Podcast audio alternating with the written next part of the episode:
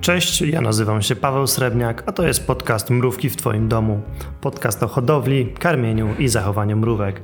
Coś dla początkujących i tych bardziej zaawansowanych. Poznaj wielki świat małych stworzeń. W dzisiejszym odcinku odpowiem Wam na 9 pytań, które pojawiły się jakiś czas temu na forum formikopedia.org. Podzieliłem je na dwie kategorie. Pierwsza kategoria to cztery pytania o mrówki. Jak często karmić mrówki, czym karmić, jak szybko rozwija się kolonia Mesor barbarus oraz czy muszki owocówki są dobrym posiłkiem dla mrówek. Druga grupa to pytania o gniazda. Czy istnieje instrukcja zakładania gniazda? Czy potrzebna jest mata grzewcza do prawidłowego rozwoju kolonii? Czy zasłanianie gniazda jest konieczne? Jak przygotować elementy wystroju, aby nie przenieść do areny nieproszonych gości? Teraz jeszcze garść informacji organizacyjnych, Pamiętajcie, że forum Formikopedia.org jest otwarte dla wszystkich, więc śmiało po tym odcinku zobaczcie, co na nim słychać. Przypominam też, że na kanale znalazło się już kilka odcinków podcastów. Między innymi dziwne pytania, odcinek poświęcony hibernacji mrówek oraz najczęściej popełniane błędy przez początkujących hodowców. Nie zapomnijcie też dać suba, kliknąć dzwoneczek, Miłym gestem dla mnie będzie też, jeżeli zostawicie komentarz pod tym odcinkiem. Pamiętajcie też, że Mrówki w Twoim domu posiada swój profil na Facebooku, więc zostawcie tam lajka. Podcast umieszczam też na innych platformach, m.in. Anchor FM, Spotify, iTunes i Google Podcast. Ok, pierwsze pytanie. Jak często karmić mrówki? Mrówki karmimy w zależności od wielkości kolonii. Jeżeli podasz swoim mrówkom porcję miodu w poniedziałek i zobaczysz, że już na drugi dzień nic nie ma, to znaczy, że mrówki były głodne. Podaj wtedy kolejną porcję. Pamiętaj, że kolonia w zależności od okresu rozwoju może mieć większe lub mniejsze zapotrzebowanie na jedzenie. Moja kolonia Camponotus nicobarensis potrafi zjeść w jednym tygodniu 5 larw mącznika i 4 porcje miodu, a drugiego tygodnia nie ruszy nawet czułkiem na miód. Więc jeżeli twoje mrówki nie jedzą lub nie widzisz ubywającego pokarmu, to nie martw się zawczasu. Ja swoim mrówkom wymieniam pokarm co 3-4 dni. W przypadku zjedzenia całego pokarmu przed upływem tych 3 dni, kolejna porcja jest po prostu większa. Ważnym elementem jest wymiana niezjedzonego pokarmu, ponieważ z takiego mogą pojawić się roztocza. Drugie pytanie, które pojawia się już dość systematycznie, to czym karmić mrówki? Przede wszystkim kolonia do poprawnego funkcjonowania potrzebuje białka oraz węglowodanów. Białko dostarczamy najczęściej w postaci owadów karmowych, żółtka jaja lub w postaci mięsa. To, co podawałem mrówkom, to kurze serca, wątróbka wieprzowa oraz pieśń z kurczaka. Jeżeli wybierzecie jakieś mięsko, to pamiętajcie, aby dawać bardzo małe kawałeczki. Kawałeczek 1 cm sześcienny, który jest mały, będą przeznaczone tylko do bardzo dużej kolonii. Dlaczego należy podawać małe kawałeczki? Mrówki będą starały się zabrać większy kawałek do gniazda. Jeżeli szybko go nie zjedzą, mięsko może zacząć śmierdzieć. Większość gniazd, które widziałem, nie ma możliwości otwierania części gniazdowej bez przeprowadzki. Będzie to wiązało się z kłopotliwą przeprowadzką. Białko jest niezbędne do tego, aby królowa mogła składać kolejne jajeczka, a larwy się rozwijały. Drugim ważnym elementem są węglowodany w postaci miodu, cukrów, owoców. Węglowodany to paliwo dla naszych mrówek. Bardzo często podaje się też wodę z cukrem w przypadku bardzo dużych kolonii. Jeżeli używasz miodu, to pamiętaj, aby miód podawać ten ekologiczny. Pod żadnym pozorem nie podawaj tego sztucznego. Ja dla moich camponotus oraz mesor podaję także kawałeczki owoców, jak winogrona lub jabłka. Od czasu do czasu podaję też żelkę. Takie specjalne żelki, które zostały zrobione specjalnie dla owadów. Najczęściej zawierają już dwa składniki, czyli węglowodany i białko. W przypadku mrówek Messor sytuacja wygląda troszkę inaczej. Gatunek żywi się prawie wyłącznie samymi nasionami. Z doświadczeń hodowlanych można wytypować ulubione przez żniwiarki nasiona. Przede wszystkim są to nasiona słonecznika, lnu, rzodkiewki, sezamu siewnego oraz w mniejszym stopniu nasiona rzeżuchy, broku oraz traw. Nasiona lnu możecie kupić w aptece, natomiast rzodkiewki, sezamu, brokułu czy rzeżuchy poszukajcie tych, które są oznaczone jako nasiona na kiełki. Kolejne pytanie brzmi, czy muszki owocówki są dobrym posiłkiem dla mrówek? Muszki owocówki, a raczej ich odmiana nielotna Drosophila hydei, są bardzo dobre dla małych kolonii i samotnych królowych, które aktywnie polują. Przykładem takiej ciekawej mrówki jest wścieklica dorodna, czyli Manica rubida, która występuje w naszym kraju. Zaczynając swoją przygodę z mrówkami, powinniśmy zapewnić im stały dostęp do białka. Muszki owocówki nada nadają się do tego celu idealnie. Są małe, nie trzeba ich porcjować przed podaniem dla kolonii, można je zamrozić. Są małe, nie trzeba ich porcjować przed podaniem dla kolonii. Można je mrozić, co coraz więcej sklepów proponuje muszki już pomrożone w próbówkach. Jedynym minusem może być sytuacja, że muszki trzeba będzie po zamrożeniu trzymać w lodówce. Po wyciągnięciu z lodówki i pozostawieniu ich bez chłodzenia, rozmrożone nieloty mogą zacząć pleśnieć. Atutem posiadania kolonii karmowej w postaci muszek nielotów jest ich bezobsługowość oraz niska cena. Cena kolonii muszek zaczyna się już od 12 zł na popularnym portalu aukcyjnym. A teraz czwarte pytanie z kategorii mrówki. Jak szybko rozwija się kolonia Mesor barbarus? Gatunek Mesor barbarus rozwija się dość szybko. Największą trudność sprawia wychowanie pierwszego potomstwa. Jest to trudne, ponieważ samotna królowa zaczyna składać pierwsze jaja dopiero po zimowaniu. Jeżeli masz już taką kolonię, to pamiętaj o dogrzewaniu. Spowoduje to maksymalnie przyspieszenie rozwoju kolonii. Dobra będzie też duża arena oraz stały dostęp do nasion i owadów. A do prawidłowego rozwoju kolonii zalecana jest temperatura w gnieździe od 24 do 28 stopni Celsjusza. Zimowanie nie jest, nie jest konieczne w przypadku starszych kolonii. Ja osobiście kolonii swoich Mesor Barbarus nie zimuję. O hibernacji możecie posłuchać w drugim odcinku tego podcastu, do którego link znajdziecie w opisie.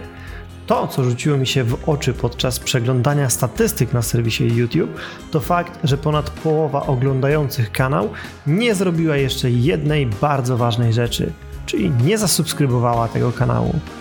Proszę Cię jeszcze o jedną rzecz – Daj znać w komentarzu, od jakich mrówek zaczynałeś, zaczynałeś swoją przygodę oraz czy dobrym pomysłem jest nagranie dedykowanego odcinka poświęconemu, poświęconemu kolonii Mesor Barbarus. Przejdźmy do drugiej części pytań. Ta część będzie zawierała pytania o gniazda. Pierwsze pytanie, które dotyczyło gniazd, brzmiało: czy możecie podać mi dokładną instrukcję krok po kroku zakładania formikarium, ponieważ nie mogłem takiej znaleźć? No i tutaj niestety taka instrukcja nie istnieje, ponieważ wcześniej musimy określić kilka bardzo ważnych rzeczy. Przede wszystkim brakuje nam informacji. Jaki to ma być typ formikarium? Jak zapewnimy sobie dostęp do areny, aby w wygodny sposób móc przeprowadzać takie podstawowe prace jak e, karmienie czy czyszczenie formikarium, czy będziemy montować matę lub kabel grzewczy, jak będzie rozwiązana wentylacja na arenie, czy część gniazdowa będzie też posiadała wentylację, jak duży zapas wilgotności będzie potrzebny dla mrówek, Zapas wody jest bardzo ważny i zależny jest według mnie od stylu życia właściciela, ponieważ jeżeli jesteś typem, który dużo czasu spędza który dużo czasu spędza w domu i nie wyjeżdża dłużej niż na weekend do rodziców, to w takim przypadku można zastosować mniejsze części nawadniające. Jednak jeżeli jeździsz na tydzień na deskę lub na kajta, to może warto przygotować gniazdo, aby mogło działać bez naszej pomocy na przykład przez 10 dni.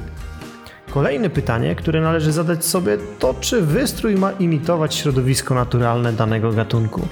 No i najważniejsza informacja, o której zapomnieliśmy, jaki gatunek docelowo będzie mieszkać w tym formikarium.